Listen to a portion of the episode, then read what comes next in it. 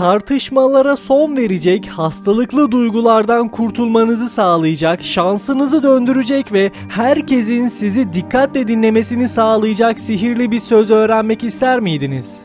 İsterdiniz değil mi? Tamam o zaman. İşte size sihirli bir söz söylüyorum değerli dinleyenler.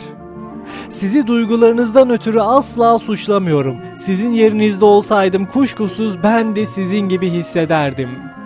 Mucizevi bir cümle. Değerli dinleyenler bu cümle bize şunu anlatıyor. Empati yapmayı öğrenmemizi sağlıyor. Karşımızdaki insanı anlamadığımız zaman hiçbir şeyin kıymeti olmuyor. Biraz daha anlayışlı yaşamak herkes için mucizevi bir şeyi ortaya çıkartabiliyor. Sizi duygularınızdan ötürü asla suçlamıyorum. Sizin yerinizde olsaydım kuşkusuz ben de sizin gibi hissederdim. Yani karşıdaki kişinin duygularını anlayabiliyor olmak işte elimizdeki büyük bir anahtar olacak.